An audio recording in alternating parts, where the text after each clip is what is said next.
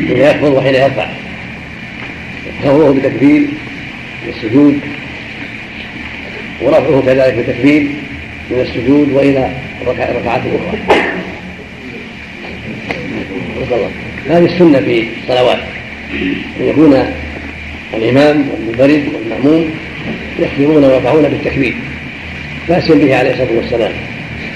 وكذلك يفتتحون الصلاة بالتكبير. التكبير في أولها فرض عند الجميع. لا بد من افتتاحها بالتكبير ولا يدخل الصلاة إلا بذلك. التكبير مع النية.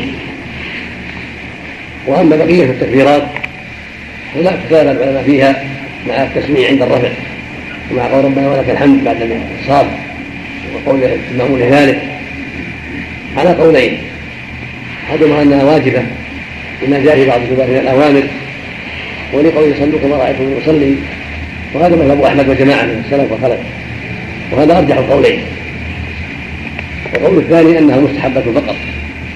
وليست واجبة بل من كمال الصلاة وقضيها وليس من الشيء اللازم. وهذا قول الأكثرين. والقول الأول وهو وإن كان قول الأقل اولى وأحق لما جاء في بعض من الأوامر ولأن هذا تفسير للصلاة التي أمرنا بها ومن بإقامتها. وجب أن نأتي بذلك كما أتى به النبي عليه الصلاة والسلام. فيكبر حين يركع ويقول لمن سمع الله حين يرفع وهكذا المنفرد والمؤمن يقول ربنا ولك الحمد حين يرفع. لأن الرسول أمر بذلك. قال واذا قال سمع الله تقول ربنا ولك الحمد. وهذا أصل في أمر الوجوب وقد جاء في الروايات أربع صفات. ربنا ولك الحمد الواو. ربنا لك الحمد في إسقاطها. اللهم ربنا لك الحمد بدون واو اللهم ربنا ولك الحمد في اثباتها فالاربع صفات تحميد. وهذا واجب على الأرجح والجمهور على انه مستحب ويستحب أيضا أن يكمل فيقول ما في حديث أبي سعيد.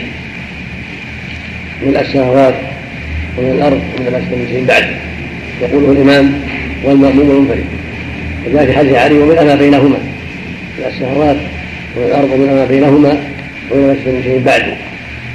ثم يقول بعد هذا أهلك ولا ملك أحق ما قال العبد. وكل لك العبد اللهم لا مانع لما أعطيت ولا معطي لما ولا ينفع ذا الجد منك الجد. وهذا أيضا مستحب وكمال. واهل يجوز فيه النصب والرفع. أهل الثنى يعني يا أهل الثنى أو أخص أهل الثنى والرفع أنت أهل الثنى أو مثل المحذوف أما أحقه بالرفع المعنى هذا أحق ما قال العبد. أو مثل المحذوف أيضا. معنى لا مانع لما اعطيت ولا معطي انت لا أمر ظاهر يعني ليس هناك من يمنع عطاء الله وليس هناك من يعطي من عفو بل قضاؤه نافذ سبحانه وتعالى. فما قدر عطاءه يوجد وما قدر منعه لا يوجد. ولا يستطيع أحد في الدنيا لا في السماوات ولا في الأرض أن يمنع عطاء الرب. كما أنه لا يستطيع أن يعطي من عفو سبحانه وتعالى. كما قال عز وجل ما يفتح الله للناس من رحمه فلا ممسك له. وما يمسك فلا مرسل له بعده. هو المصرف الكون سبحانه وتعالى كما يشاء جل وعلا.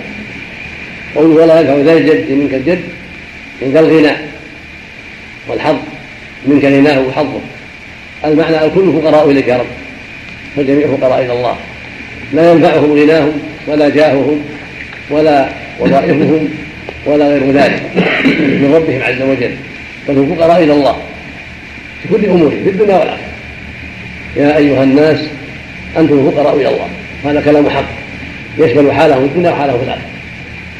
فهم الفقراء إليه والمصرف فيهم كما يشاء سبحانه وتعالى. ومن أراد العزة والكرامة ونيل المقاصد العالية فعليه بطاعته واتباع شريعته. فبذلك يدرك الخير في الدنيا والآخرة والسعادة في الدنيا والآخرة والعاقبة الحميدة. وينجو من الشرور التي وعد بها أعداؤه والصادون عن سبيله.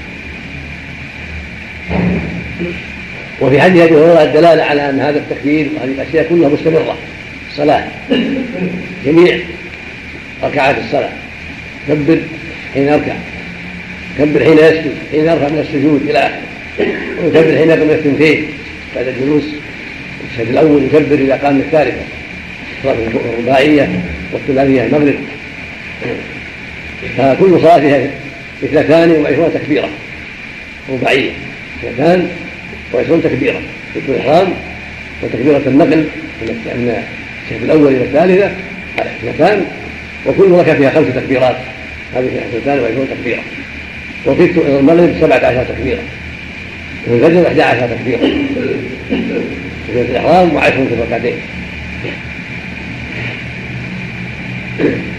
وفيه دلالة على أن سجدتي السهو وسجدة التلاوة كلها كذلك. إذا سجد لأن فيها خفض ورفع فيكبر في سجود السهو كما جاء صريحا عن غيره أنه كبر في سجود السهو.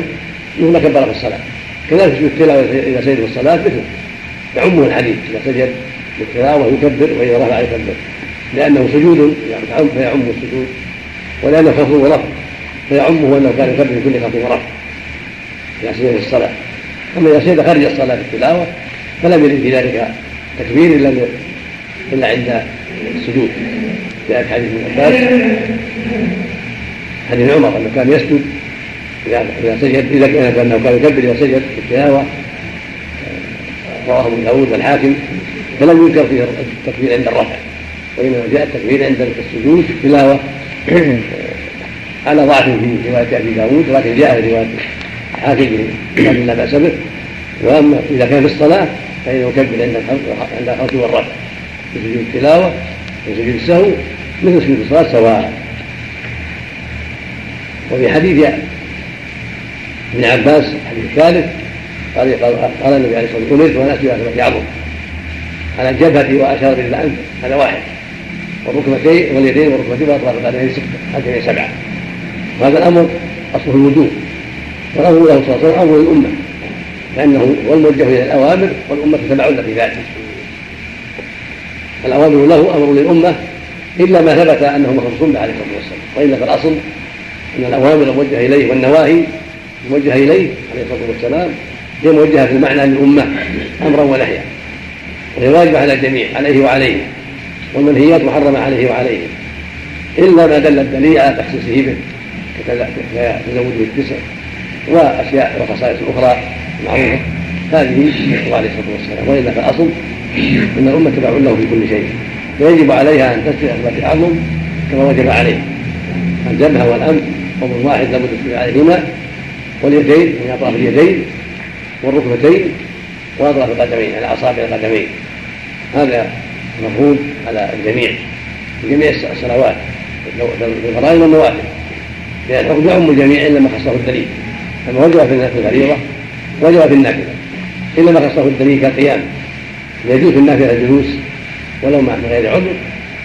ولكن في الفريضه لا. لا يجوز فيها إلا بعذر كالمرض والحاصل أن ما ثبت في الفريضه ثبت في النافلة من وجوب واستحباب. إلا ما خصه الدليل. وما وجب عليه الصلاه والسلام ووجه إليه امرا أو نهيا فالأمة كذلك الا ما خصه الدليل. الله أعلم. الله أقول الحمد لله الكلمة مباركه فيه بعد ربنا لك الحمد نعم هل ورد ورد في قوله نعم اذا ذلك طبع كثيرا من الله فيه فقال من قائل فأرم القول حتى كرر ثلاث فقال أنا وما رأيت غيره كما قال قال لقد رأيت كذا وكذا من الملائكة يفردونها أيهم يرفعوها قال أيهم يبدونها فدل على استحبابها الصلاة بعد الرحمة في الصلاة أو في غير الصلاة في بعض الروايات عند وغيره أنه عطس بعدما رفع فقالها. ولكن رواية البخاري فيه أنه قالها عند الرفع وليس في كذا العطاس فقال النبي صلى الله عليه وسلم لقد رأيت كذا وكذا. فدل ذلك على استحبابها وأنها كلمات طيبة. مشروعة بعد الرفع مشروعة بالقول الذي سمعته أن يقولها قبل قول من السماوات. نعم. وصف للحمد طيب يا شيخ أهل التناول مثل قلت إن فيها الرفع والنصب ليس الرفع أولى بالمقام يعني مقام التناول التقليد لا مقام الدعاء. كل لا كلاهما جائز أنت أهل الثناء وأخص أهل الثناء ويا أهل الثناء بمعنى واحد يعني متقارب. نعم. بعض بعض الأعضاء. لو رفع بعض الأعضاء السبعه واحد أو اثنين أو ثلاثة ولم يسجد إلا على بعضها. ما يسجد يعني فرضا على السبع كله لكن لو لو لو رفعه وعاد قبل أن يرفع حج ورفعه عند السجود أو في اثناء السجود ثم عاد. المقصود تمكن حصل من السجود حصل المقصود لو كان عنده عذر؟ نعم. لو كان عنده عذر؟ المعذور المعذور مستثنى اللي يده مقطوعه أو يده المريضة ما يستطيع تمس الأرض. هذا معذور عند جميع أهل العلم. نعم. كلام مع الصحة. نعم. يسجد على الجبهه دون الأنف ما يجوز. لابد من الأنف جميعا. لأن النبي صلى الله عليه وسلم سجد عليهما وأشار إليهما. نعم. لو اخل به في سجدة يقضي تلك الركعة؟ نعم. لو اخل بهذه الأعضاء السبع في سجدة. كان عمد بطلت كلها الصلاة. كان عمد بطلت الصلاة كلها. من كان لا سهو فوق الركعة. يحسب ركعتين. استوضا منه إلا إذا كان في الحال الحال تذكر إذا كان الحال يكمل لكن لو ما ذكر إلا بعد قام إلى بطلت الركعه المكان المسجود عليه شيخ. نعم. المكان المسجود عليه. نعم. قال بعض الفقهاء إنه إذا كان مثلا قدر منتفش أو صوف أو ما أشبه ذلك إنه ما يعتبر ما يصح السجود. لابد أن يكون منبسط يعني. ما ذلك. ما ولا هذا الذي يظهر من جميع الكهه الطاهره يسجد ما دام يتمكن اعضائه وضعها عليه وجبهته وانفه إذا اصحهما المنتفش يلتصق نعم. قوله ربنا ولك الحمد في حالة الإفراد نعم. إذا صلى الإنسان منفرد إيه. هل يجب أن يقول ربنا ولك الحمد؟ مثل ما قال ربنا مطلقا ولو أن واحد. يقول ربي لك الحمد. ربنا هكذا جاء الحديث. نعم. والنبي يصلي وحده ويقول ربنا ولك الحمد وهو سيد المتواضعين. صلى الله عليه وسلم محل النظر هو محل النظر المحمود رفع اليدين في المقامات الأربعة. احراف ومفعول وخبر منه والكلام الأول اما يعني بعض روايات وائل محل نظر هل ابن عمر صريح في الصحيحين لا يرفع حين يسجد ولا حين راسه من السجود بالتنصيص نعم بسم الله الرحمن الرحيم. نعم. نعم محل نظر يحتاج اليه يعني يحتاج عناية بالألفاظ. أو سلامتها من العلة. فإذا ثبت سلم من العلة لعل فعل بعض الأحيان. فلا يتنافى لأن عمر نص على هذا الشيء. تنصيص. فيكون ابن عمر حفظ شيئا ولا حفظ شيئا. فيكون لو صح في بعض الأحيان لا في كل الأحيان. ثم رفع في بعض الأحيان بغير الأربعة. الرواية الصحيحة عليه وسلم رواية أنه يرفع مع كل خفض ورافع يديه. نظر ما كنت راجعتها قديما ولم يظهر لي صحتها ولكن تحتاج إلى مراجعة أخرى. عنايه حديث عمر بن الصحيح صحيح بأن لا يظهر راسه لا حين يسجد ولا حين يظهر هو اصح من روايه الطائف. نعم. المأموم يتابع الإمام بقوله سمع الله لمن حمده لا قال سمع الله يقول له ربنا ولك الحمد يقول بعض الفقهاء انه يتابع لكن ضعيف وصلوا كما رايتم يصلي ولم يستثني. فلا يقول المأموم مثل قول سمع الله لمن المأموم يقول ربنا ولك لأن الرسول قال إذا قال سمع سمع الله تقول ربنا. ما قال قول سمع الله ربنا. نعم. وجهه ويقول ربنا. عند قول الإمام سمع الله نعم. السنة المأمومية يقول ربنا ولك فقط. يكون الشيخ يقول مثل ما يقول يقول ربنا ولك نعم. الإمام أيضا يقول ربنا ولك يقول, يقول بعد بعد السنة. نعم. لكن الرسول صلى الله عليه وسلم يقول إذا قال سمع الله يقول ربنا. ما قال إذا قال سمع الله فقولوا مثله ثم قل ربنا. قال إذا قال سمع الله فقولوا ربنا. ترك السمع. موجبها ترك التسميع نعم موجبها في حق الإمام نعم وش اللي يوجبها في حق الإمام؟ فعل النبي صلى الله عليه وسلم النبي صلى الله عليه وسلم فعل هذا فصلوا فيفعل الامام الامام مثل مثل النبي صلى الله عليه وسلم والمنفرد كالامام لكن المأمون يوجه توجيه الآخر فإذا لهم اذا في كذا فقولوا كذا نعم اما بعد لهذه الاحاديث الخمسه كلها تتعلق بصلاه النبي صلى الله عليه وسلم قدم من ذلك جملة. وياتي من باب الجملة أيضا كلها متعلقة ببيان صفة صلاة رسول الله عليه الصلاة والسلام. فالمقصود من هذا أن يتأسى به المؤمن في صلاته. والصحابة رضي الله رضي الله عنهم نقلوا لنا كل أعماله عليه الصلاة والسلام. نقلوا صفة صلاته من قيامه إليها بل من خروجه من بيته إلى المسجد إلى فراغه منها وإلى ما يقوله بعدها. عليه الصلاة والسلام. وأهل العلم ذكروا ذلك وجمعوه جزاهم الله خيرا. ومن ذلك الحافظ أبو الفضل علي بن حجر العسقلاني رحمه الله في هذا الكتاب بلوغ المرأة الحديث الأول حديث ابن بحينة هو عبد الله بن مالك. ابن بحينة بحينة أمه وأبوه مالك. وهو ممن روى صفة صلاة النبي صلى الله عليه وسلم. من ذلك أنه كان إذا سجد فرج بين يديه حتى يبدو بياض الطيب. هكذا. الناظر إذا نظر رأى بياض الطيب. فلم يلصقهما بل يفرج بينهما حتى يبدو بياض الطيب. وهذا يدل على أنه كان أبيض اللون كان ابيض أبيض بشر عليه الصلاة والسلام. تقدم في حديث أبي جحيفه في الأذان. قال رأيت النبي صلى الله عليه وسلم لما خرج يتوضأ عن حلة حمراء خرج مشمرا. رأيت بياض ساقيه عليه الصلاة والسلام. فكان أبيض اللون مشرا بحمرة عليه الصلاة والسلام. كان من أحسن عباد الله في صورته وشكله عليه الصلاة والسلام.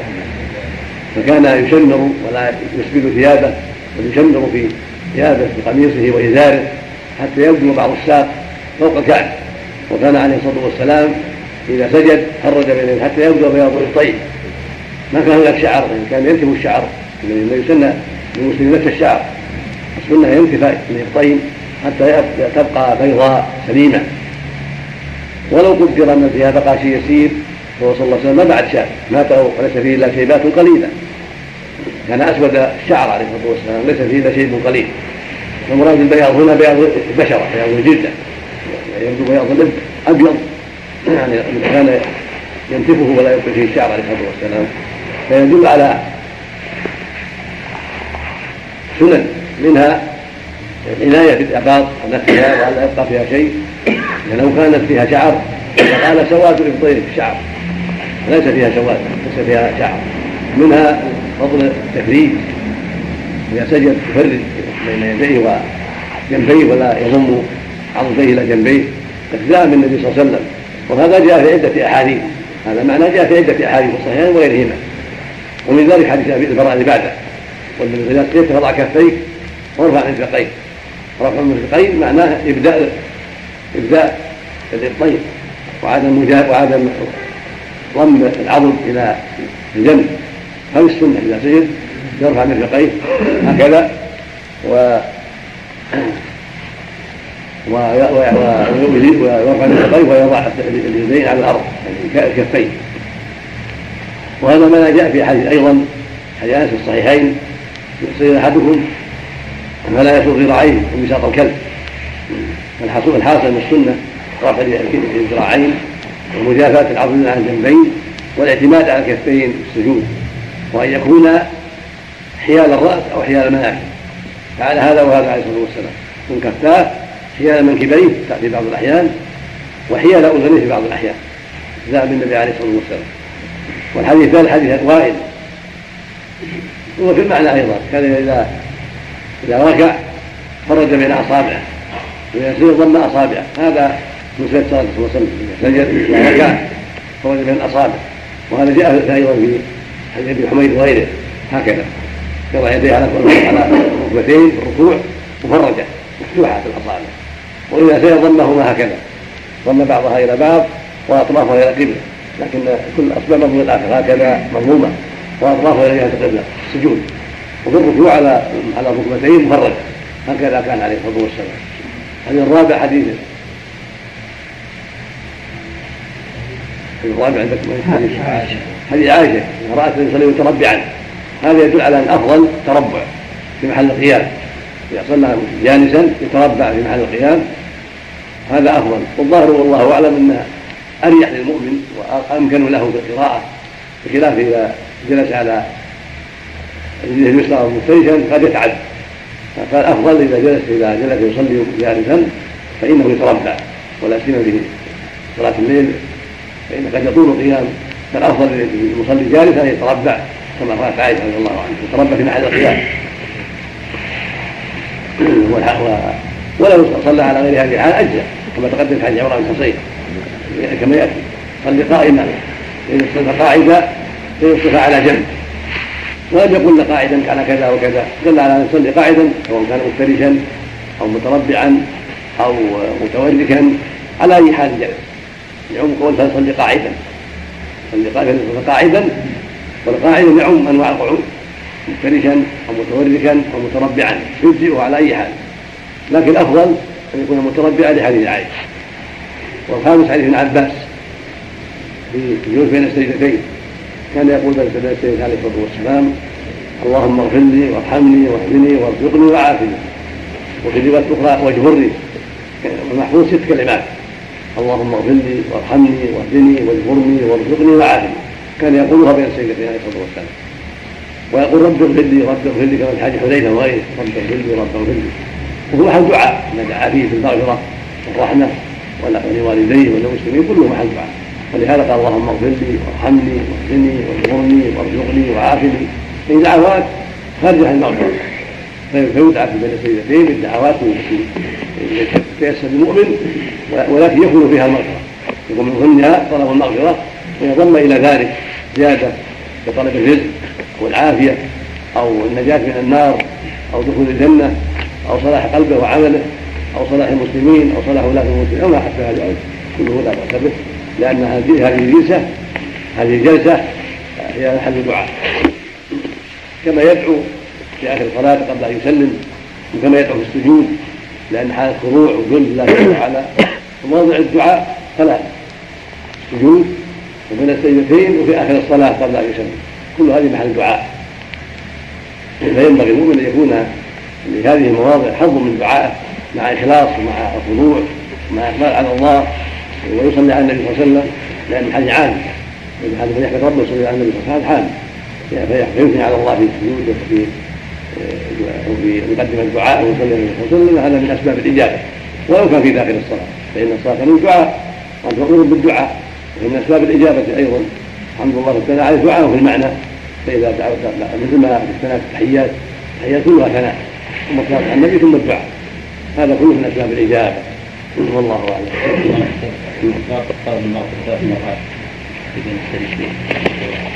نعم نعم. في حديث حذيفه انه كثر اذكر رب الغني ورب الغني هذا في الله عليه الصلاه والسلام وما في حديث عقبه حديث المستحيل ما له حد ما له حد.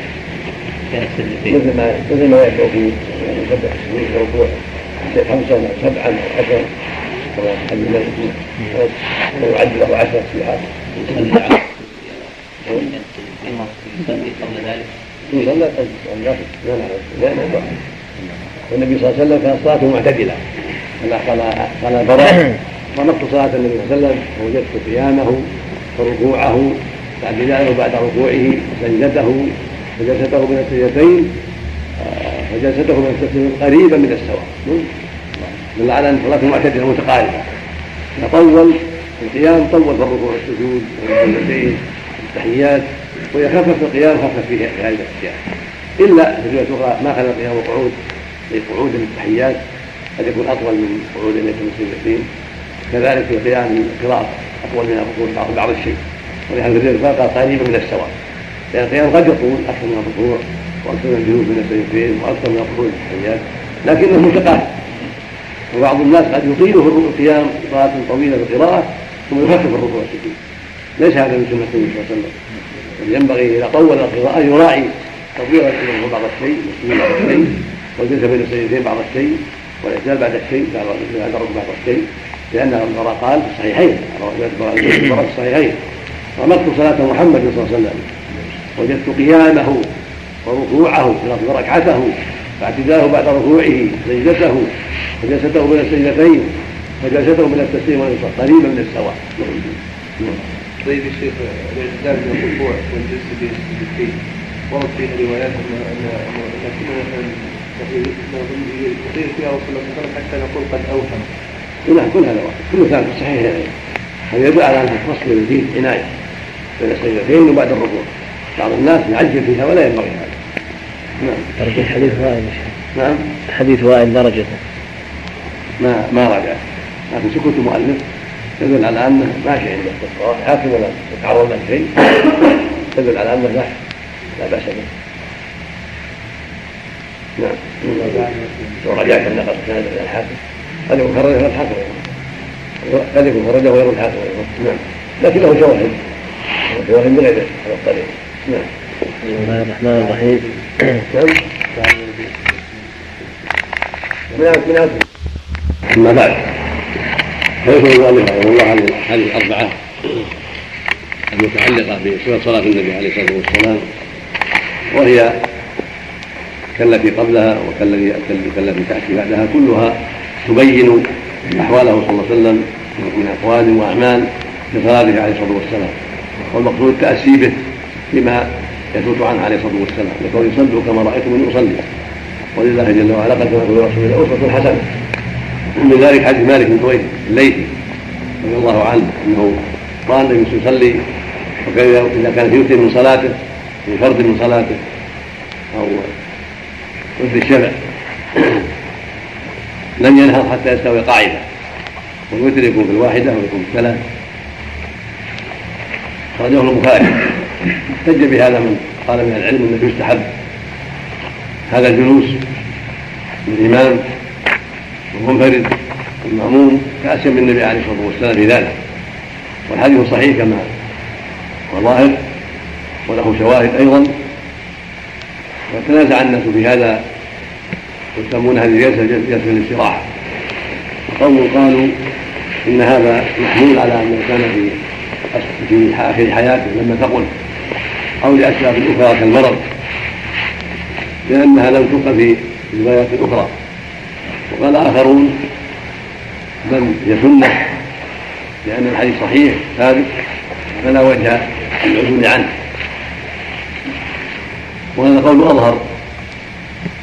لأن الأصل فيما يخبر به النبي صلى الله عليه وسلم هو أنه سنة من سنة الصلاة فلا يقيد. هذا هو الأصل في أفعاله وأقواله التي يفعلها في الصلاة. الأصل فيها أنها مشروعة فتقييدها في حالة مرض أو في حالة كبر السن أو ما أشبه ذلك يحتاج إلى دليل. والأمر والحجة الثانية ما ثبت من حديث أبي حميد الساعدي الأنصاري عند أحمد وأبي داود بن زيد وغيرهما أن أبا حميد ذكر صلاة النبي صلى الله عليه وسلم يوما بعشرة من الصحابة. ذكر في ذلك جلسة الاستراحة وأنه كان إذا نهض من السجود الثاني في الأولى والثالثة جلس في جلسته بين السجدتين ثم نهض. فلما قرأ صدقوه وكان منهم أبو قتادة وجماعة ومحمد بن مسلمة وجماعة لعشرة من الصحابة. فالمعنى أن هذه الجلسة ثبتت من رواية اثني عشر صحابيا أبي حميد وعشرة معه وإن كان هو العاشر من أحد عشر ورواية مالك بن حويرث هذا هو الأظهر أنها مستحبة. وليست مقيدة بكبر السن أو بالمرض. وصفتها كهيئه جلسه الاستراحه على ارض كهيئه جلسه الانسان بين السجدتين هذا هو الأرجح فيها. قال بعضهم يكون مستوفزا. ولكن الصواب ما ثبت في حديث أبي حميد وأن جلسه خفيفة مثل جلسته بين السجدتين يعني يجلس على اليسرى مفترشا وينصب اليمنى قليلا ثم ينهض. وليس فيها ذكر ولا دعاء. إنما هي جلسة فقط مجردة. لم يقل فيها ذكر ولا دعاء. والحديث الثالث حديث الحديث الثاني حديث أنس رضي الله عنه. النبي صلى الله عليه وسلم قنت شهرا بعد الركوع يدعو على احيان العرب ثم ترك ذلك.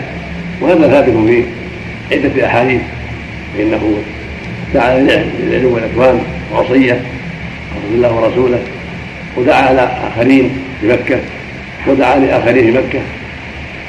كل هذا ثابت في الأحاديث الصحيحة. ومن ذلك قوله اللهم أنجي وليد بن الوليد اللهم أنجي بن هشام اللهم أنجي عياش ربيعة اللهم أنجي من مكة كان يقول هذا بعد الركوع كما في حديث عمر وأبي هريرة وغيرهما. وكان يدعو على قريش. يقول اللهم وبارك على عليهم. لا مضر وجعلهم كاسرين كسر يوسف. الله اللهم لعن فلانا وفلانا. ثم منهم الحارث بن هشام. وسعيد بن عمرو. والأولية ثم نهي عن ذلك. وأنزل ليس من شيء. فهداه الله تعالى المقصود أنه صلى الله عليه وسلم فعل هذا وهذا. فدل ذلك على جواز هذا وهذا جواز الدعاء لقوم وعلى قوم وهكذا حديث انس الثاني لا يقول إلا دعا إلا إلا اذا دعا لقوم على قوم ويبين هذا المعنى أيضا وأنه لا مانع من فعل هذا بل هو سنة إذا دعت الحاجة إليه ولكن لا يستمر بل بقدر الحاجة. أما زيادة أحمد والدار قطني من وجه آخر حديث أنس انه لم الصبح حتى فرق الدنيا فهي زيادة ضعيفة. والصواب أنه إنما كان يخرج مؤقتا ولم يستمر لا في الصبح ولا في غيرها. قال يدخل في أوقات معينة ثم يدع عليه الصلاة والسلام. كما جاء في روايات أخرى صحيحة عنه عليه الصلاة والسلام. وأما رواية أحمد والدار قطني فيما يتعلق بالصبح فهي ضعيفة كما بين أهل العلم.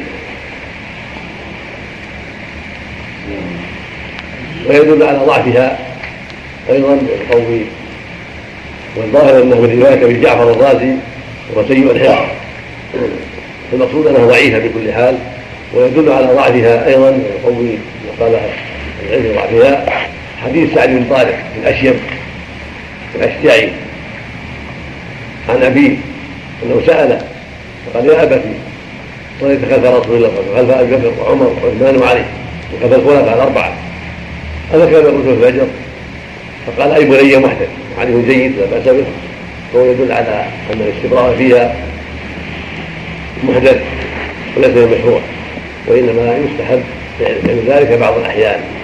أما القنوت مستمرا في صلاه الصبح كما فعله بعض أهل العلم كما هو معروف عند الشافعي فهو قول ضعيف. والصواب خلاف وان وأن القنوت يفعل بعض الأحيان عند الحاجة. إذا هجم العدو على بلاد المسلمين أو يتعدى عدو على على جماعة المسلمين أو قطع الطريق عليهم أو ما أشبه ذلك يدعى عليهم. والله أعلم. نعم في تلك الاستراحه يكون التكبير بعدها أو قبلها تكبير الرحم التكبير من السجود من السجود ما اذكر في هذا لا اذكر في هذا لكن قد قد يقال. في كل خفض ورفع يكبر عند كل خفض ورفع يكبر ثم يدعي حتى يراه الناس حتى يستفيدوا من من ذلك لأن لو كان ينهض قبل التكبير قل لا يعلم قل لا يعلمه الناس. إلا من دخله يعرف من الناس الذين فاته بعض الشيء فيظهر أنه كان يفعل ذلك حين نهوضه ثم يجلس الجلسة المعروفة ثم يقوم. حتى يعرفه الناس ويراه الناس. ثم يقوم بدون تكبير ويحتمل أنه كان لا يقول كبر إلا بعد إلا بعد جلسة التشهد يحتمل هذا. لأن يقول مالك رأيت النبي صلى الله عليه وسلم. يحتمل انه رآه في الصلاة صلى معه فظاهر هذا أنه رآه يعني بعدما كبر ونهى جلس. اي جلسة ثم انحضر بغير تكبير. هذا هو هذا هو المتبادل والله أعلم. لكن إذا خاف الامام انهم يسبقونه ونهض وجلس ثم نهض بعد ذلك مكبرا لئلا يسبقه المأمومون إلى القيام من هذه الحيثية. هذا له وجه. لانهم قد يسابقونه وليس كل واحد يفهم. هذه الجلسه فإذا نهض وجلس ثم كبر قائما كان ذلك أقرب إلى ان تحصل مخالفة بينه وبينهم وأنا أفعل هذا أنا أفعل هذا وعندي فيه بعض الشيء لكني أفعله من هذه الحيثية فقط. أجلس الاستراحة ثم أقوم مكبرا ولكن في نفسي منه شيء إلا أني فعلته يعني ترجيحا لاحد الاحتمالين مراعاة لما قد يقع من مسابقتهم ونهوضهم قبل إمامهم. قطعا نعم سيما اللي في أحد الصف. يقع.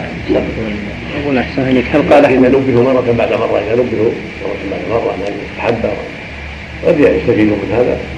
ولا ينهض إلا الذي قد جهل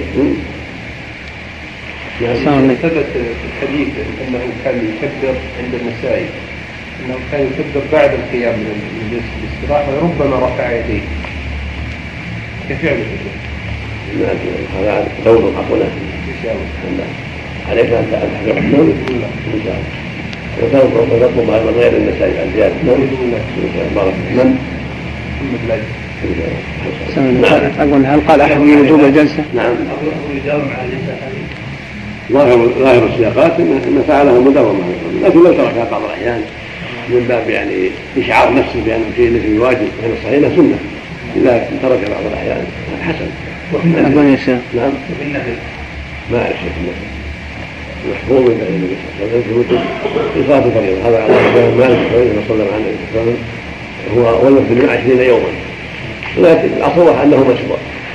الأصل أنه ما ثبت كان ثبت نعم. هل قال أحد بوجوبها؟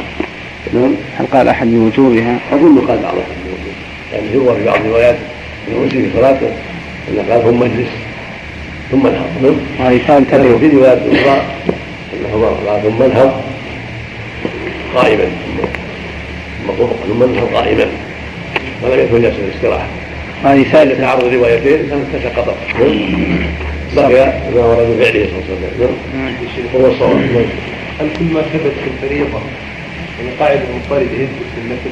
نعم. والعكس. إلا ما خصه الدليل. نعم. نعم. نعم.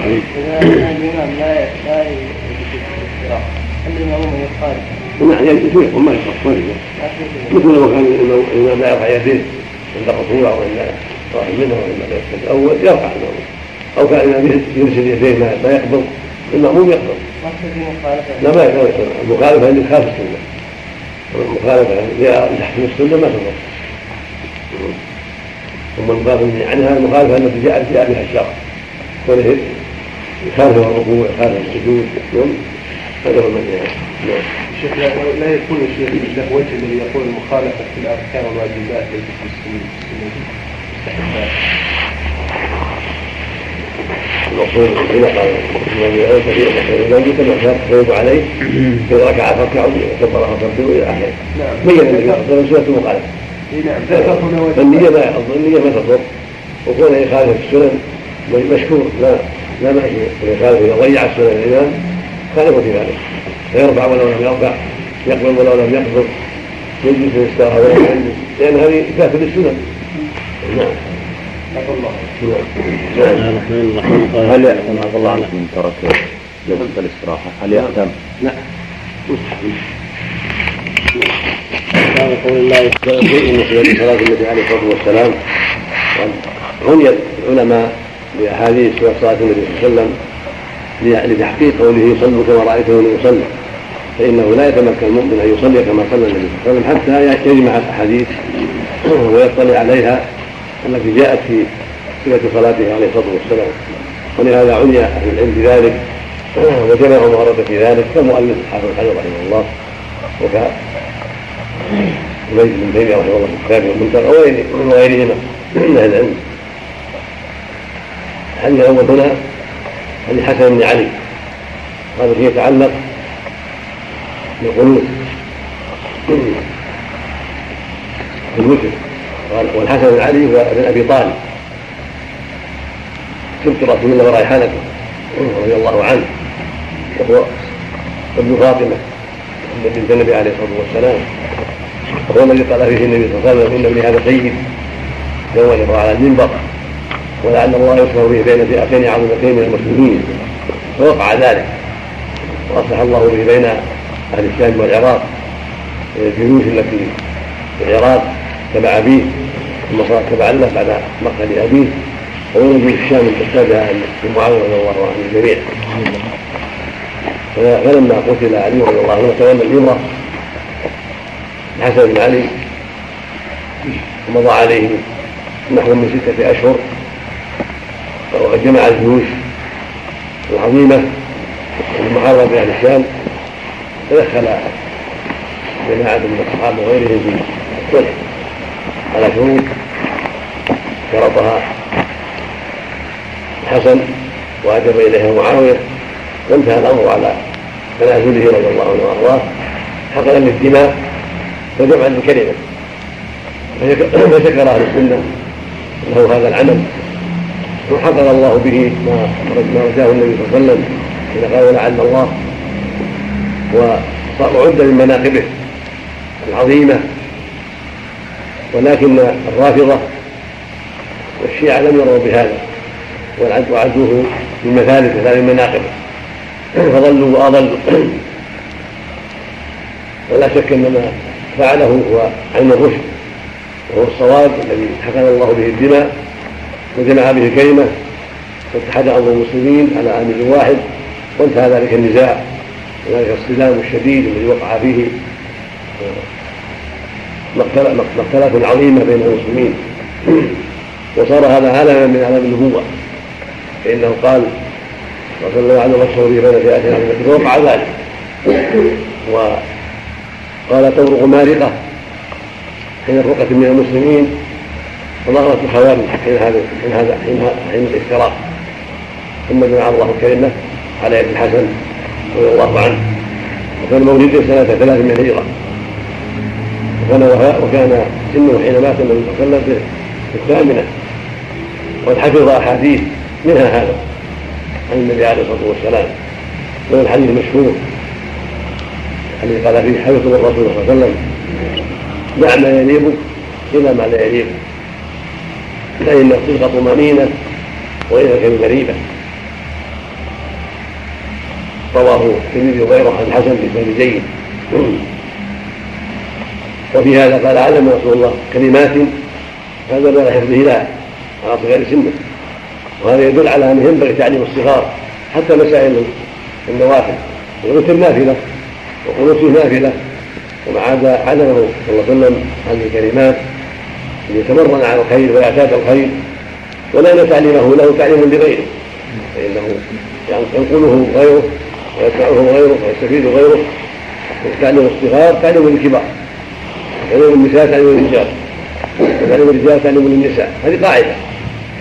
إذا علم النبي صلى الله عليه وسلم شخصا رجلا أو امرأة كبيرا أو صغيرا هو تعليم الأمة. ليس خاصا بذاك الرجل ولا بذاك المرأة بل هو عام. وهذه كلمات بينها اللهم اهدني وهديت وعافني إلى آخره. وهي من الفوائد استحباب هذه الكلمات. واستحباب قنوت الوتر يستحب قنوت الوتر وهو بعد الركوع في الركعة الأخيرة فرده رفع رأسه الركوع يقول هذا الدعاء وهو مستحب وليس بواجب. ولو تركه فلا بأس. وإذا ترك بعض الأحيان يعلم أنه ليس بواجب فلا بأس.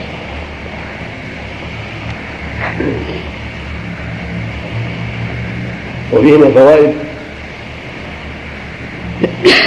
أن أن الوتر يشرع في حق الصغار والكبار ليس خاصا بالمكلفين ويشرع الوتر حتى للصبيان والفتيات غير البالغات لأنه تورع الخير وتعاطي لما لما ينفعهم ويجعلهم يعتادون هذا الخير إذا كبروا وبلغوا. وإذا كان هذا في النوافل عرفت أن توجيه توجيه الصغار للفرائض والعناية بذلك أهم وأهم. لهذا جاء الضرب في الفريضة إذا تخلف عنها إذا بلغ العشر حتى يتمرن على الخير ويعتاد أداء هذه الفريضة العظيمة. قصرت رواية الخمسة أحمد وأهل السنن على ما ذكره المؤلف وليس في رواية خمسة ولا يعز من عليه زاد الطبراني في زيادة ولا يعز من عليه. انه لا يذل وليد ولا يعز من عليه يعني عزا كاملا أو عزا مضطردا. قد يعرض لأعداء الله عز وظهور في بعض الأحيان على أولياء الله. كما جرى يوم أحد وكما جرى بعد ذلك في وقائع معروفة لكنه عز لا يستمر بل يزول. هو عز مؤقت ثم يزول وإنما العز الدائم والمستقر لأولياء الله في الدنيا والآخرة. إذا صدقوا واستقاموا كما قال جل وعلا العالي وقع وقع وقع هو العالي بيده وسلطانه وقائله بعباده سبحانه وتعالى ولا يقال له تباركت ويفعل بعض العامة إنه يقال بحق الله تبارك الله رب العالمين تبارك بيده الملك. وما ذاك إلا لأنها صيغة صيغة المبالغه تبارك فعلت يدل على الكمال. البركة. والمعنى بلغ البركة النهاية سبحانه وتعالى. كما بلغ في العلو النهاية فهو العالي فوق جميع خلقه وهو المتبارك وعبده المبارك. زاد النسائي في آخره وصلى الله على النبي. زاد في رواية حسن انه قال في آخره وصلى الله على النبي. وفي هذه الرواية انقطاع. لأن في رواية فاطمة بنت الحسين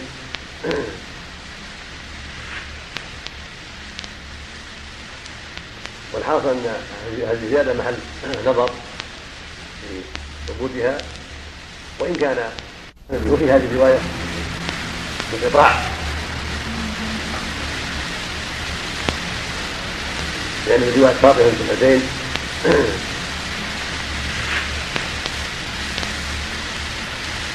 والحاصل أن هذه الزيادة محل نظر في ثبوتها وإن كان أمر الصلاة عليه الصلاة والسلام أمرا بجملة مشروعة وهو من أسباب الإجابة لكن هذه الرواية علها بعضهم والعمل عليها عند أهل العلم يصلون على النبي صلى الله عليه وسلم في آخر القنوت والصلاة على النبي صلى الله عليه وسلم في أول الدعاء وفي آخره من أسباب الإجابة. وقد ثبت ذلك في أول حديث فضاء بن عبيد حين علم النبي صلى الله عليه وسلم لما رأى رجلا دعا ولم يصلي النبي قال عجل هذا ثم قال دعا هذا ولد لكي ربه وصلي عليه وصلي على النبي ثم يدعو ما وهذا ثابت ومن أسباب الإجابة فيما إذا دعا في أول فيما إذا صلى في أول الدعاء. أما في آخره فهو محل نظر وقد ورد عن عمر في سند فيه أيضا ضعف ان الدعاء موقوف من حتى تصلي على النبي عليه الصلاة والسلام. فهو يحتاج إلى جمع هذه هذه الرواية والعناية بها. وإن كان العمل عليها عند العلم لكن ينبغي يأتي إلى بطرقها والحكم عليها بعد ذلك. وفي رواية ابن عباس عند البيهقي ان علمهم دعاء في القنوت يكون به القنوت فهو ضعيف أيضا.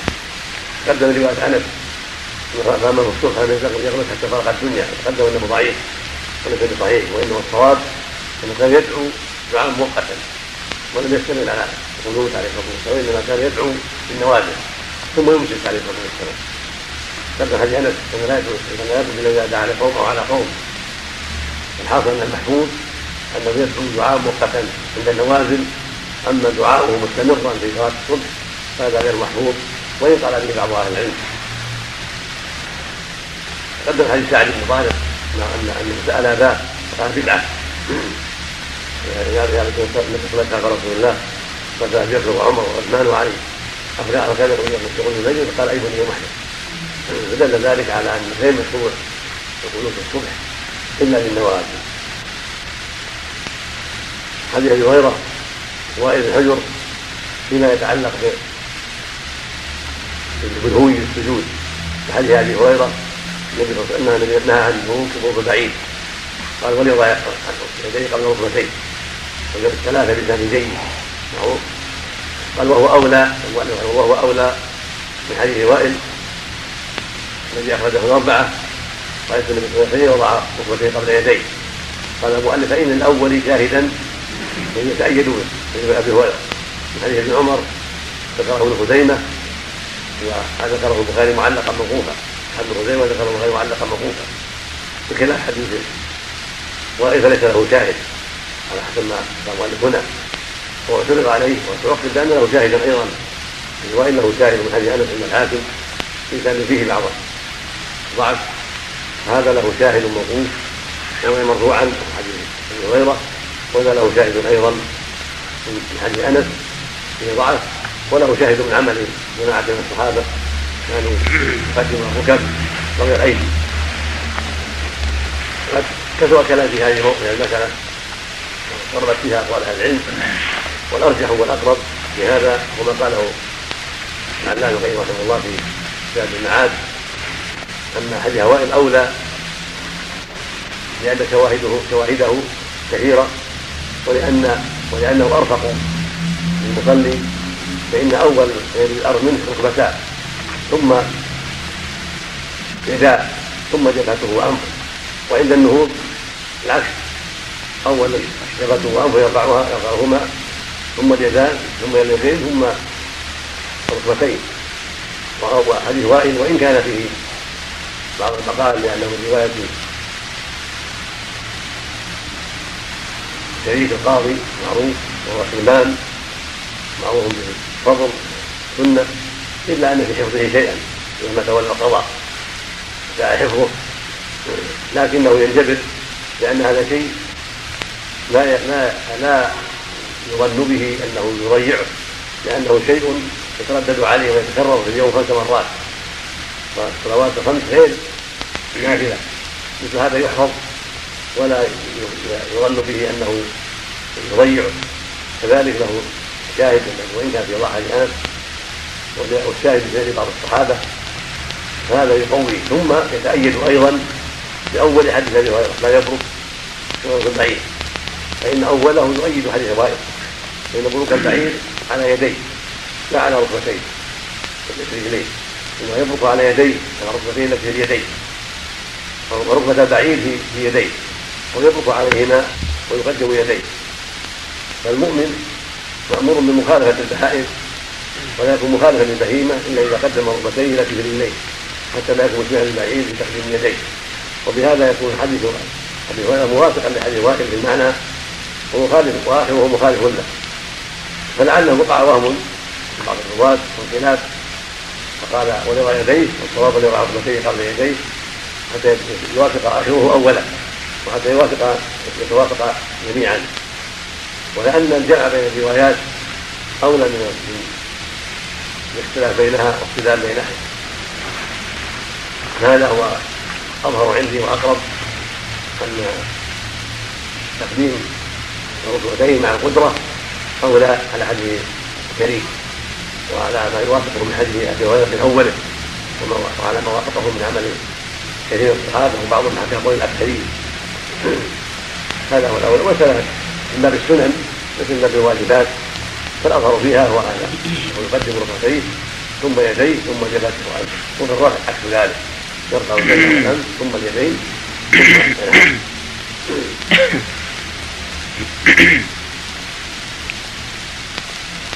الحديث الرابع حديث ابن عباس بن عمر رضي الله تعالى عنهما. ان النبي صلى الله عليه وسلم كان إذا قعد التشهد وضع يده اليسرى على ركبته اليسرى واليمنى على اليمنى وعقد ثلاثة وخمسين وأشرب بالسبابة أخرجه مسلم.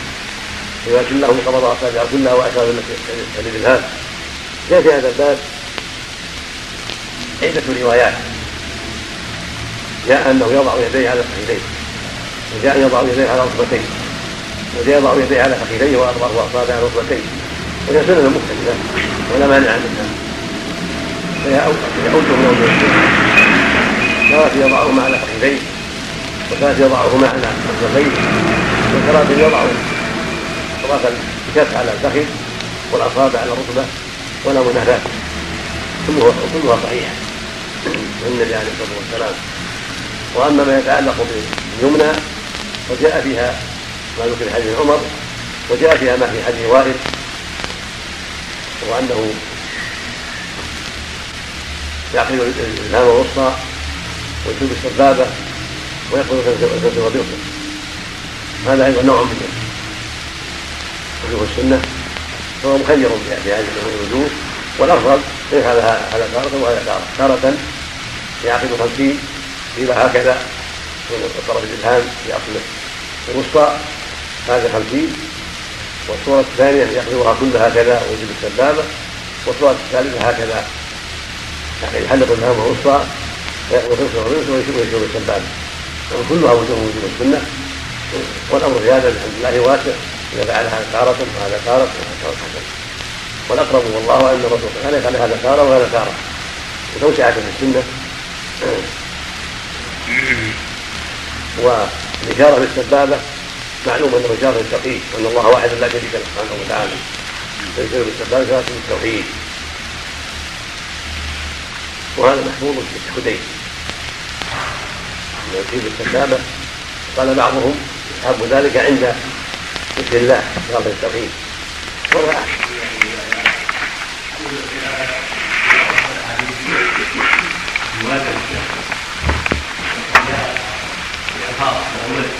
في انه في بعضها أنهم كانوا يقولون إذا جلسوا السلام التحيات لله السلام على الله من عباده.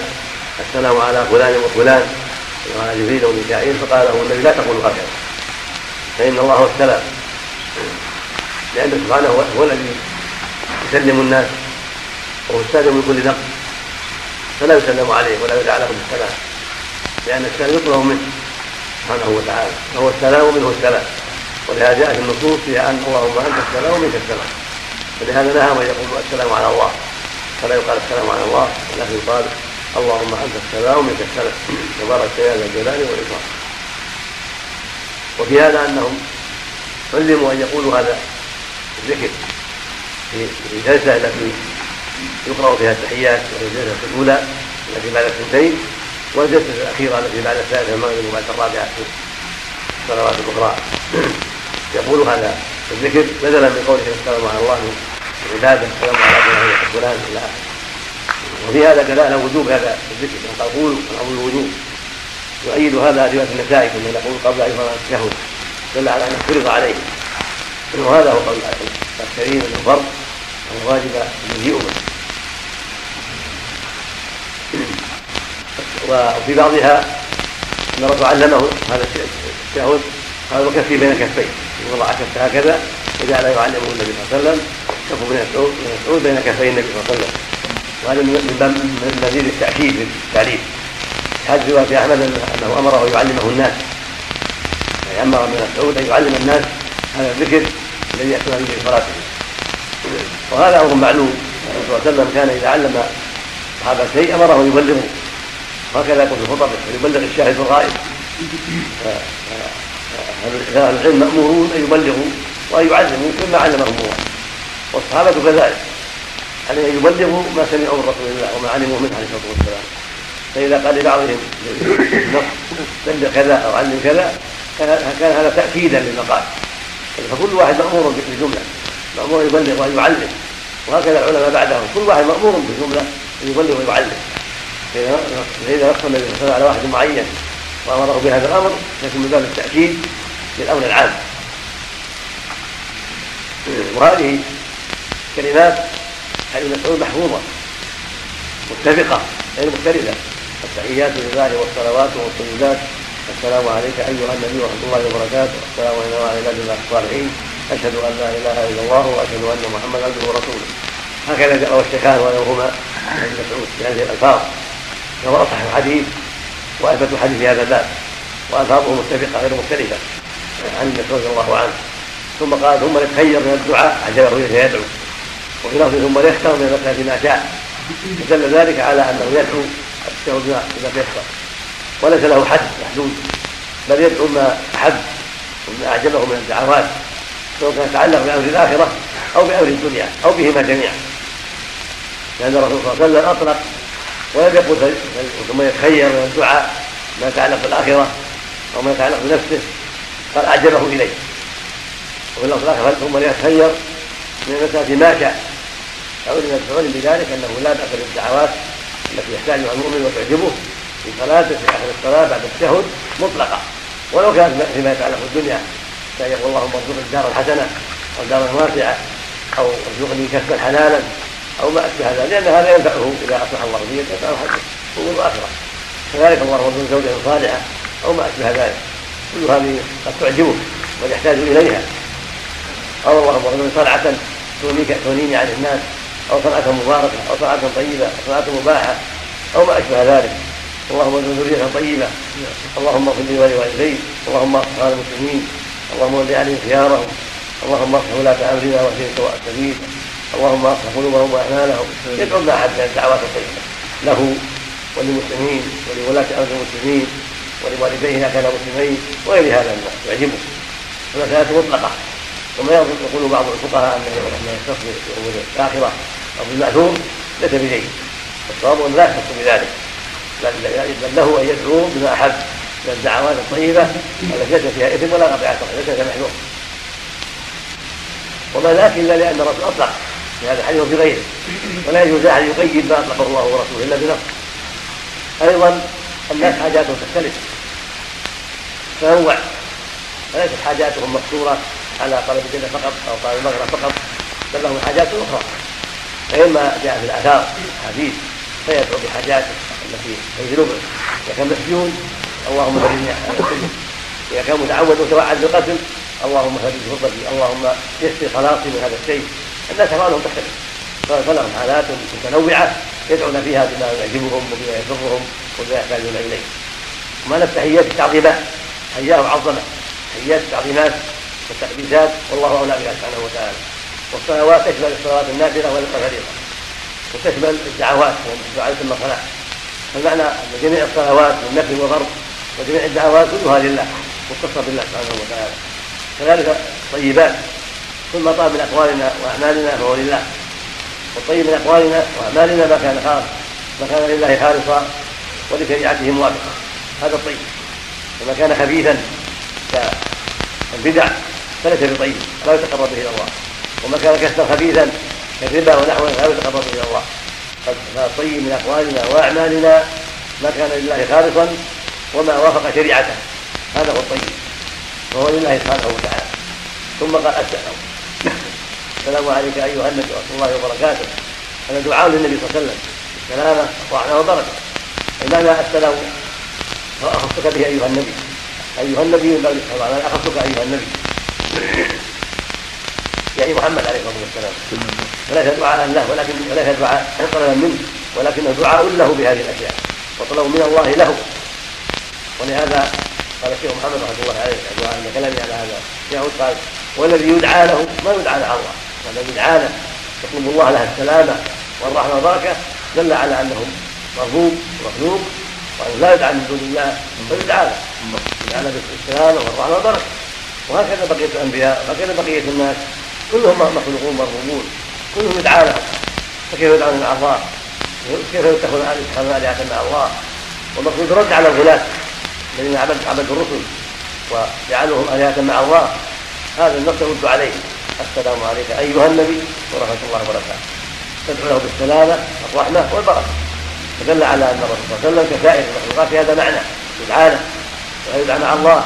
وإن كان الله شرفه وفضله في الرسالة والعبودية وأفضل الخلق لكن كون الله شرفه وفضله لا يقتضي أن يكون إلها مع الله. وإلهكم إله واحد لا إله إلا هو. قال ربك ألا تعبدوا إلا إياه. فلا تدعوا مع الله أحدا. السلام على عباد الصالحين. قال في الحديث إذا قلت هذا اعطيت كل عبد صالح. يعني هذا الدعاء يعم الصالحين. من الملائكة وبني آدم والقدامى والمحدثين يعم جميعهم. السلام علينا وعلى عباد الصالحين. يعني أعطينا السلامة. وارزق السلامة يا ربنا. نحن وجميع عباد الله الصالحين. تدعو لنفسك ولكل عبد صالح استغفر بالسلام ثم تأتي بالشهادة. أشهد أن لا إله إلا الله وأشهد أن محمدا عبده ورسوله. لا أذكر في شيء من الروايات وحده لكن مرفوعة النبي صلى الله عليه وسلم. ولكنها جاءت في بعض الروايات حديث عمر من قوله من عمل سواء المقصود أن المحفوظ في رواية مسعود بغير ما اذكر وفيما أعلم أشهد أن لا إله إلا الله وأشهد أن محمدا عبده ورسوله. قد روي في بعضها زيادة وحده لا شريك لكن لا لا أذكرها محفوظة مرفوعه إلى النبي عليه الصلاة والسلام ولكنها محفوظة في رواية عن عمر من قوله رضي الله عنه. ولا حرج فيها لكن المقصود بيان الشيء الثابت فيه الشهاده لله بالوحدانيه بكل صلاة والنبي بالرساله عليه الصلاة والسلام وهذا من فضل الله جل وعلا ورحمته لنا. وشرع لنا هذا هذا هذا الذكر الذي هو أسباب أسباب دخول الجنة وأصل دين الإسلام وأساس الملة. أشهد أن لا إله إلا الله وأشهد أن محمدا عبده ورسوله. قال الذي من قالها صادقا دخل الجنة. من شهاده صدقا من قلبه ادخله الله بها الجنة. لأنه إذا صدق فيها أحرقت ما وراءها من الشرور. وأوجبت له الاستقامة. والصادق فيها يؤدي حقها. ويتباعد عن ضدها. فهي شهادة عظيمة توجب لاهلها الجنة إذا صدقوا فيها. ومن مات عليها صادقا فهو من الجنة. اما من اول وهلة اما تسالم من الذنوب واما بعد التطهير والتمحيص إن كان مات على شيء من المعاصي لم يكن منها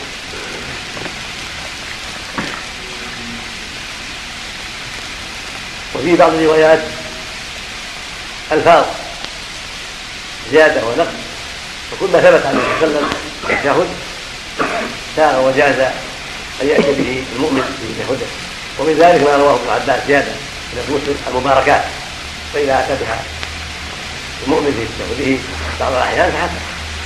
النبي صلى الله عليه وسلم مسعود هذا وعلم ابن عباس من المباركات ولا حرج. وجاء في بعض الروايات زيادة ونقص. أن لا إله إلا الله وأشهد أن محمدا رسول الله بدل عبد الله ورسوله. وكل ذلك ثابت ولا حرج في ذلك. لكن الإتيان بالرواية الكاملة فيها فضل. وإذا أتى بهذا تاره وبهذا تاره حسن من باب تنوع في الاذكار بين التشهدات لا تنوع فيها تنوع. هكذا الاستحاد هكذا الاستعاذة هكذا أنواع أنواع الأدعية في السجود في اخر الصلاة. اذا نوع الأدعية في ذلك. يرجو ثواب الله ويرجو إجابته سبحانه وتعالى. فهكذا التنويع في الصلاة أو في الصلوات؟ نعم. التنويع في الصلاة أو في الصلوات من ناحية الاستفتاح والتعوذ و... كلها كلها. يعني يجمع بهم في الصلاة واحدة؟ إذا جاء بهذا تاره وهذا تاره وهذا تاره من باب فعل السنة كلها. يعني في صلوات متفرقة. نعم. في صلاة يأتي وجهت وجهي وصلاة يأتي اللهم رب الجليل في صلاة يأتي سبحانك اللهم وبحمدك في صلاة يأتي الله بعد بينه وبين خطاياك ولكن يكون استكثاره بما هو أثبت وأصح. يكون استكثاره من أولى. تكثر طيب أيهما أولى؟ الإتيان بالرواية الزائدة أو مثل رواية الكامل رواية ابن مسعود أو رواية ابن عباس؟ رواية مسعود أثبتها. ورواية أبي هريرة أثبتها وإذا أكثر منها وأتى بروايتها بعض الأحيان.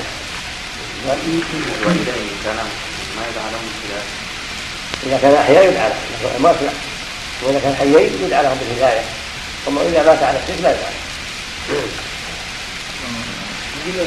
وفي بعض روايات ابن مسعود بن عباس يعلمنا كما يعلمنا السورة من القرآن. يؤكد تعليمهم للتشهد وأنه يعلمهم تعليما مؤكدا ليفهموا هذا الشيء ويحفظوه عليه الصلاة والسلام. نعم. السلام يعني الواحد يقول السلام على النبي. ورد على التوفيق نعم. السلام على النبي. بعد أفضل السلام عليك أيها النبي. إذا قال السلام عليك لا ما في لكن محفوظ في الحديث الصحيح. السلام عليك أيها النبي. حديث مسعود حديث ابن عباس وغيره يأتي بعض الروايات السلام على النبي وبعض الروايات بعض الصحابة. كما يقول هذا الحياة بعد وفاة. السلام على النبي. ولا منافاة. لكن محفوظ السلام عليك أيها النبي وهذا هو أحسن ما يقال. الحديث الثاني حديث ابن خليل رواه ابن عبيد رضي الله عنه. سمع رجلا يدعو في صلاته فلم يحمد الله ولم يصلي على النبي صلى الله عليه وسلم. فقال عجل أحد. ثم دعاه فقال دعا أحدهم فليبدأ بتحميد ربه في روايه بتمجيد ربه في الدين والثناء عليه.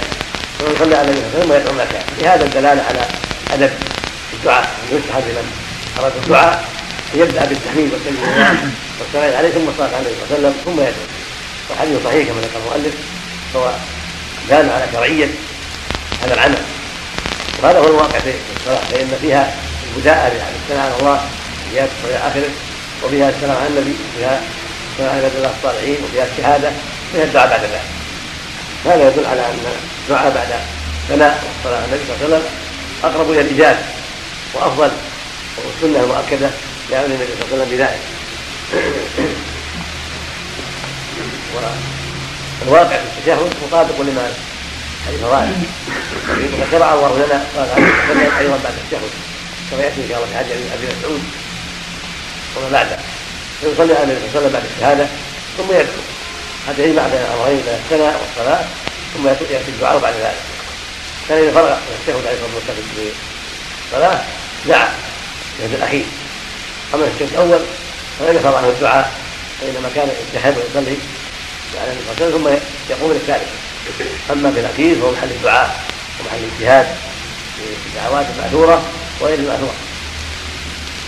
وكذلك في دعوات أخرى إذا أراد يدعو ربه يحمد ربه ويصلي عليه ولو خارج الصلاه يدعو ربه إذا أراد ذلك. ولا مانع أيضا من من الحمد ربه وسبحانه السجود مع الدعاء إذا صلى حمد الله واثنى عليه السجود صلى الله عليه وسلم. ويشمل هذا الحديث. يشمل يشمل ذلك.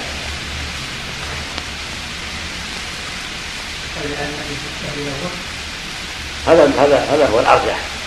لهم الادله كما ياتي إن شاء الله. يأتي بعدها. نعم. يعني شيخ مقدمة هذا التشهد يعني تقوم مقام التحميد لله نعم سبحانه نعم. يعني كلها الله نعم. إذا أخل التشهد إذا أخل الخط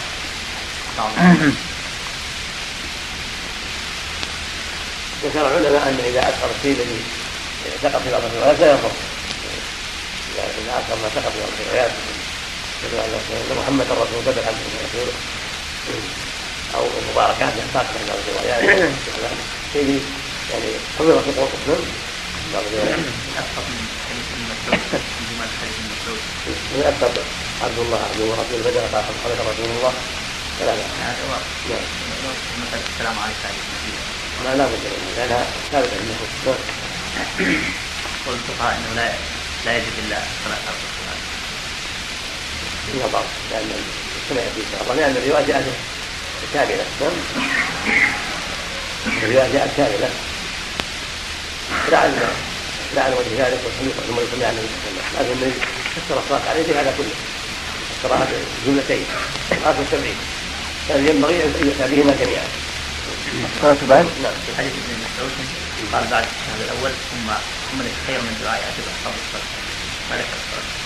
لعلها قبل أن يعني أن يأمرهم بها. لعل هذا كان اولا ثم سألوه فامرهم كما ياتي نعم. ايها احباب نعم أمر فيه في نفس المسلم وهي انصف ايها النبي نعم قال رحمه الله تعالى قال الشعبي كان اما بعد وليس لمن حضر وقعه قال بعضهم بل هو لمن حضر وقعه ونسب اليها للغزوه والمشهور الأول قال قال ابن كثير بن سعد رضي الله عنه قال يا رسول الله أمر الله ان نصلي عليه. كيف نصلي عليه فسكت في بعض الروايات عند احمد ومسلم فتمنى إنه لم يساله هذا وقع بنفسه يعني كيف ثم قال قول اللهم صل على محمد وعلى آل محمد كما صليت على إبراهيم. وبارك على محمد وعلى آل محمد وبارك على إبراهيم في العالمين إنك حميد هكذا في البلوغ التي عندنا والذي في مسلم التي الصلاة عليها. كما صليت على آل إبراهيم وكما باركت على آل إبراهيم. قال فكأن المؤلف له يفهم بهذا على إبراهيم وعلى نوعين. أو غلط بعض النساء غلط عند الاخوان في مسلم كما صليت على آل إبراهيم وكما باركت على آل إبراهيم. ويدخل في آل إبراهيم إبراهيم. فإن ال إبراهيم يعني إبراهيم واله وهذا فيه دلالة على شرعية هذه الصلاة. ويستحب أن يقولها المؤمن إذا صلى على النبي صلى الله عليه وسلم وسالوا كيف نصلي عليه فارشدهم إلى هذه الكيفيه فدل على فضلها انها تقال راتب خارجيه وعند ابن خزيمة الإسلام والجماعة كيف نصلي عليك إذا نحن صلى في صلاتنا؟ هذا لا ينافي أن تقال في هذه الصلاة. فإن الروايات الصحيحين ليس في هذه صلاتنا. المطلق. اجزاء من الشيخين. حديث. السائل عند الشيخين. ليس في هذه صلاتنا وهكذا رواية هنا وروايات أخرى. من الحديث جاء عند الطرق وعن جماعة من الصحابة رضي الله عنهم. لكن أكمل ما جاء في ذلك رواية أصحاب العذر. إن البخاري في أحد الأنبياء. اللهم صل على محمد وعلى آل محمد كما صليت على إبراهيم وعلى آل إبراهيم. اللهم بارك على محمد وعلى آل محمد كما باركت على إبراهيم وعلى آل إبراهيم إنك هذه أكملها أنكر بعضهم. إذا بين إبراهيم وآل إبراهيم وأنا لم تكن ممن وقع في ذلك مثل كان رحمه الله مع جلال وسعد القراءة. زعم ان انه لم يكن في الروايات هي بين إبراهيم وآل إبراهيم. ولكن شبك عليه بعض بينوا انها وجدت وان في روايه كعب عند هذه الانبياء كان بين إبراهيم وآل إبراهيم جميعا. هذه أكثر الروايات.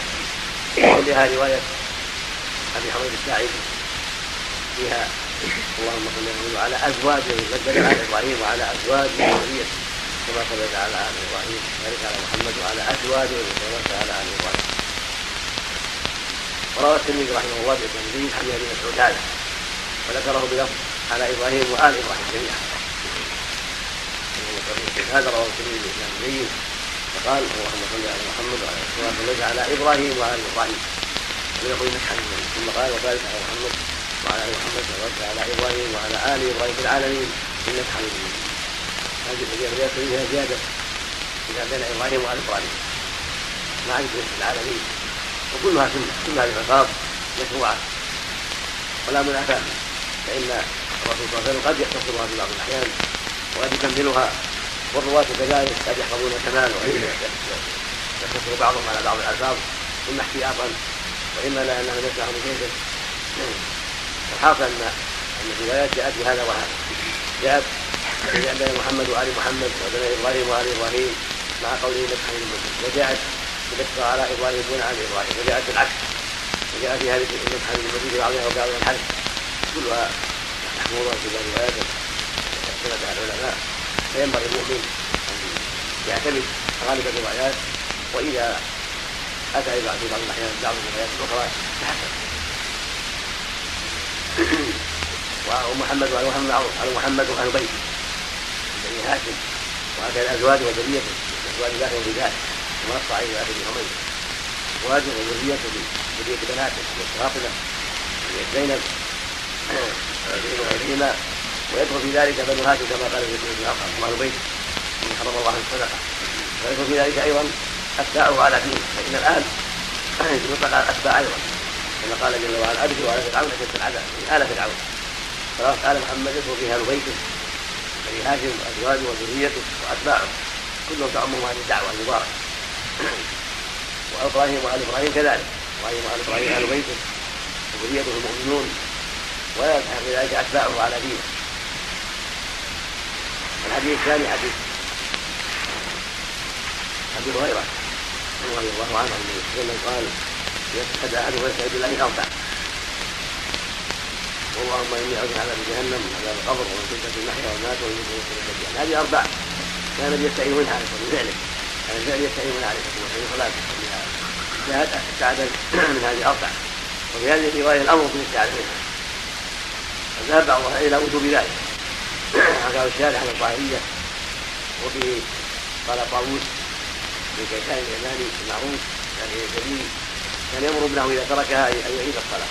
فيظهر من هذا أنه يعود أما الجمهور من العلم ان الاربعه والجمهور أنها مستحبة. وليست بواجبه هذه الدعوات مستحبة وليست واجبة لكن هذا القول بوجوبها يؤكد الاتيان بها مع أمر النبي صلى الله عليه وسلم بذلك ولطف الأوامر بوجوب. كما فعلها وامر بها فينبغي أن تترك هذه الدعوات العظيمة من التعوذ إلى الاربع اللهم إني أعوذ من عذاب جهنم ومن عذاب القبر ومن فتنة المحيا والمات ومن فتنة الدجال. الرسول صلى الله عليه وسلم علم ابن مسعود من التشهد ثم يتخير من الدعاء عجبه ويدخل اذا ثم لا يخير ما شاء. وهذه الدعوات مع على النبي هي أولى ما يختار ويقدم ثم يدعو ما شاء بعد ذلك من الدعوات الاخرى وقد جاء في هذا الباب دعوات عدة. في اخر الصلاه فليدعو ما تيسر لذلك. ولكن أكدها كما كان النبي صلى الله عليه وسلم والتعاون إلى الاربع وإن خلاف الناس بين الصلاه عليه هل هي واجبة؟ فذهب قوم إلى وجوبها. ابن رحمه رحمه الله نعم الشافعي رحمه الله. وقال اخر بها سنة مؤكدة كما في الدعاء. وقوله بالوجوب قالوا قوي في هذه الاوامر فينبغي الا تترك لأن الرسول أمر بها عليه الصلاة والسلام. قال قولوا. ونصف الأوامر الوجوب ولأن الله قال يا أيها الذين صلوا عليه وسلموا تسليما. فينبغي أن يؤتى بها مع السلام عليه. فشرع الله السلام يقول السلام عليك أيها النبي. ولهذا روايه موسى والسلام كما علمتم كما علمتم بالتسليم المجهول. كما علمتم ذلك كما قد علمتم. يعني في قول السلام أيها النبي ورحمة الله وبركاته. فيجمع بينهما كما أمر الله به صلوا عليه وسلموا تسليما.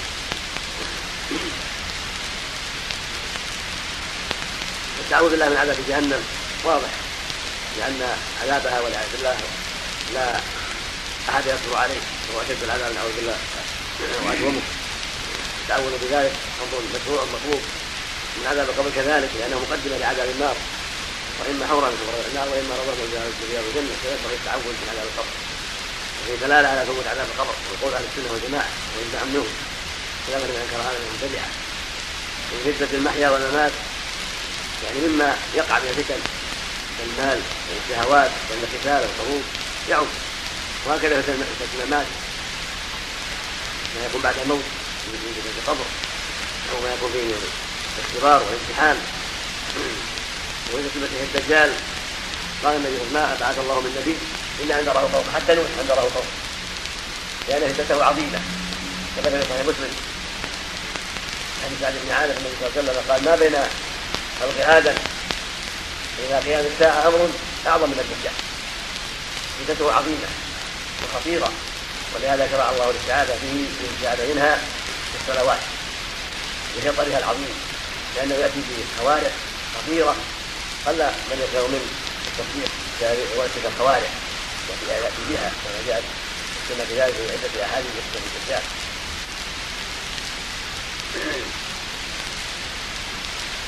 فينبغي المؤمن أن يتعود سنته ولا سيما في آخر الصلاة كان في هذا الأمر وحذرا من الفتنه العظيمة التي حذر النبي عليه الصلاة والسلام وهو يكون في آخر الزمان.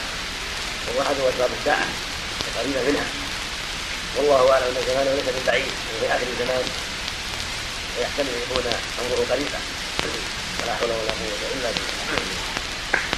الحديث الثالث حديث ثم يعلم أنه يستحب الدعاء كما قال بما تيسر ولا يختص بأهل الآخرة ولا بالوارد كما يظن بعض الفقهاء. لا الصواب أنه لا بأس بالدعاء في آخر الصلاة والسجود بالوارد وغير الوارد مما يحتاج إلى ذلك فلا يحتاج بالوارد وإن كان الوارد له فضله محذور له فضله على غيره لكن الناس لهم حاجات.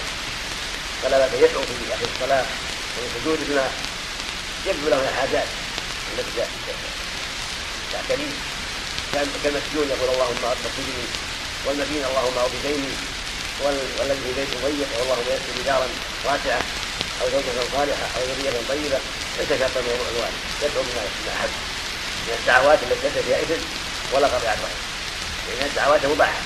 لا بد يدعو بما شاء. ولا يشترط أن يكون ذلك مما ورد ولا يشترط أن يكون لنفسه أيضا. بل لو دعا لغيره لوالديه لاخوان المسلمين لولاة الأمر بالهداية والصلاح والتوفيق. كله مطلوب لأن الرسول أطلق. ثم يختر من الدعاء اعجبه من يدخل على المسلمين صحيحين يخرج الملك وكان ما شاء. عن ابن عباس ان مسلم. وأما الدعاء مسلم فالجيد بالدعاء الذي غيره. فانه عن ابن عباس مسلم. فالجيد بالدعاء نحن الذي قد عند مسلم. اكرم هذا ربه هو ذلك أكثر الدعاء ولم يخص دعاء دون دعاء. هذا هو الصواب. إنه لا يختص بالدعاء الوالد ولا بالدعاء نفسه ولا بالدعاء المتعلق بالاخره فيدعو من أحد من أهل الدنيا والآخرة. الحديث الثالث حديث حديث أبي بكر الصديق رضي الله عنه.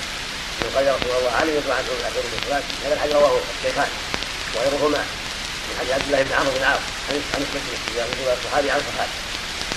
قال يا رسول الله علمني دعاء عن الصلاة وفي رواية مسلم اعتقد الصلاة وفي بيت في بيت.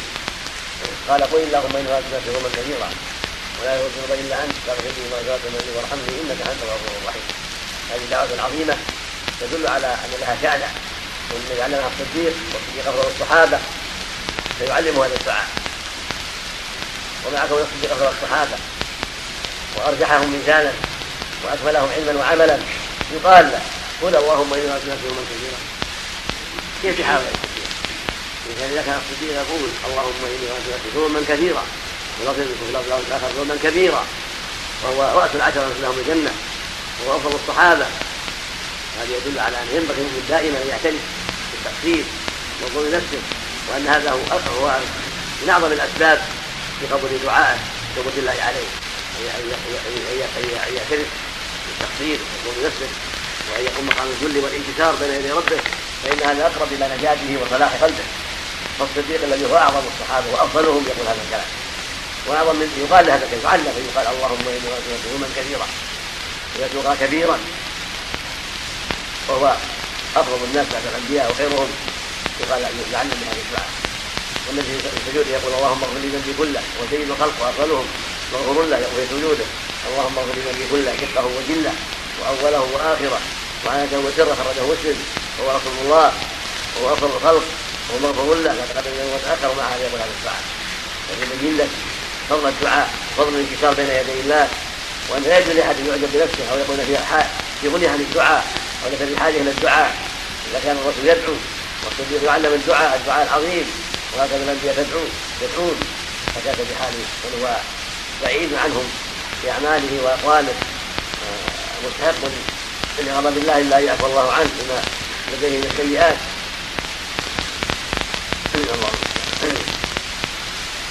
والنبي أيضا صلى دعا بدعوات أخرى من الصحيحين اللهم اغفر لي خطيئتي وجهلي وإسرائي في أمري. وما انت على مني اللهم اغفر لي جدي وهزلي وخطئي وعمدي وكل ذلك عندي. اللهم اغفر لي ما قدمت وما أخرت وما اسررت وما أعلنت. وما أنت على مني أنت المقدم وأنت المؤخر وأنت على كل شيء قدير وفي الآخر اللهم اغفر لي ما قدمت وما أخرت وما اسررت وما أعلنت. وما أشرفت. وما أنت أعلم مني أنت أنت وما أنت أعلم مني أنت وما انت أنت أعلم مني لا إله إلا أنت. وانت انت إلهي لا إله إلا أنت. الحاصل أن هذا يبين لنا تواضعه وسلم وانتشاره بين يدي ربه. ودعواته دعواته العظيمة التي ينبغي للمؤمن أن يدعو بها وأن يأخذ بها لتقصيده وما يعتريه من الذنوب الكثيره هو جدير بأن يدعو بهذه الدعوات التي دعا بها النبي صلى الله عليه وسلم والتي علمها الرسول الصديق رضي الله عنه وبالدعوات الأخرى اللائقة. ومقام الدعاء مقام عظيم التي بحاجه إليه هو سلاح المؤمن. الله يحب من عباده أن يدعوه ويسألوه ويقول ادعوني أستجب لكم. فينبغي يكثر من الدعاء ولا سيما في آخر الصلاة وفي السجود يرجو من الله قبوله. والحديث الرابع حديث وائل بن حجر اليماني مشهور رضي الله عنه يقول انه صلى مع النبي صلى كان يسلم عن يمينه السلام عليكم ورحمة الله وبركاته. وعن يساره السلام ورحمة الله وبركاته. وهو من حضرموت من الجنوب رضي الله عنه يبين أنه سمع النبي صلى الله عليه وسلم هذا السلام. وقد اختلف الناس في صفه الصلاه صفه السلام في آخر الصلاة. والجمهور على أنه يسلم تسليمتين بلفظ السلام عليكم ورحمة الله السلام ورحمة الله. هذا هو المحفوظ ثابت عن النبي صلى الله عليه وسلم وعن اصحابه أنه كان يسلم السلام عليكم ورحمة الله السلام عليكم ورحمة الله. اخرجه مسلم صحيح من حديث صبر بن جندب كنا نسلم عليه السلام ورحمة الله السلام ورحمة الله. وأشار إلى جانبه يمينه وشماله وجاء في روايه أخرى السلام عليكم. وجاء زيادة وبركاته. ولكن في حديث زيادة نظر وقد روى أبو داود محمد وائل حال هذا المؤلف هنا وضعفها لأن علقمة زعم عند ابن حجر ولم يسمع من الحديث كما قال يحيى معين وجماعة قالوا لم يسمع من الحديث. وخطأوا من قال به سمعت أبي. ورواه مسلم في بعض في بعض المواضع في بعض بعض رواياته عن وائل السماع من طريق من طريق سماك بن حرب وسماك فيه شيء بحفظه شيء رواه بالسماع سمعت أبي سجل به الأئمة على سماعه من ابيه ولكن غالب رواياته كلها بالعنعنة. ليس فيها سماع غالب روايات عن ابيه كلها بالعنعنة. وذكره الحافظ في التلخيص وذكره إلى عبد الجبار. عن ابيه ورجع عبد الجبار لم يسمع من ابيه والصواب ما هنا. وما هنا كما قال الشارع في روايه عن طريق علقمه عن ابيه وهذا هو المحفوظ. علقمه عن ابيه قد رأيت في صحيح مسلم في موضع واحد أن هذا الصلب سمع من ابي في كتاب الجماع ويفعل في النهايات وغالب رواياته التي وقفت عليها كل هذا الذي سمع بعنانه ورواه ابن ماجه من حديث مسعود ولكن سنده نظر في هذه وبركاته. والخلاصة أن رواية السلام جاء فيها عده احاديث قال الشارع إنها تصل خمسة عشر ما بين صحيح وضعيف. وحسن وباطل. وجملة منها صحيحة وثابتة وفيها أن يسأل سنتين عليه الصلاة والسلام عن يمينه وعن شماله من حديث أبي وقاص بن وقاص أنه كان يسلم فيما رواه مسلم الصحيح عن يمينه وعن شماله حتى يرى بياض خده عليه الصلاة والسلام. وفي حديث غير هذا تسليمتين حديث أمر أبي يوسف بن جندة تسليمتين وفي أحاديث أخرى ابن مسعود تسليمتين هذا هو المحمود يسلم تسليمتين عليه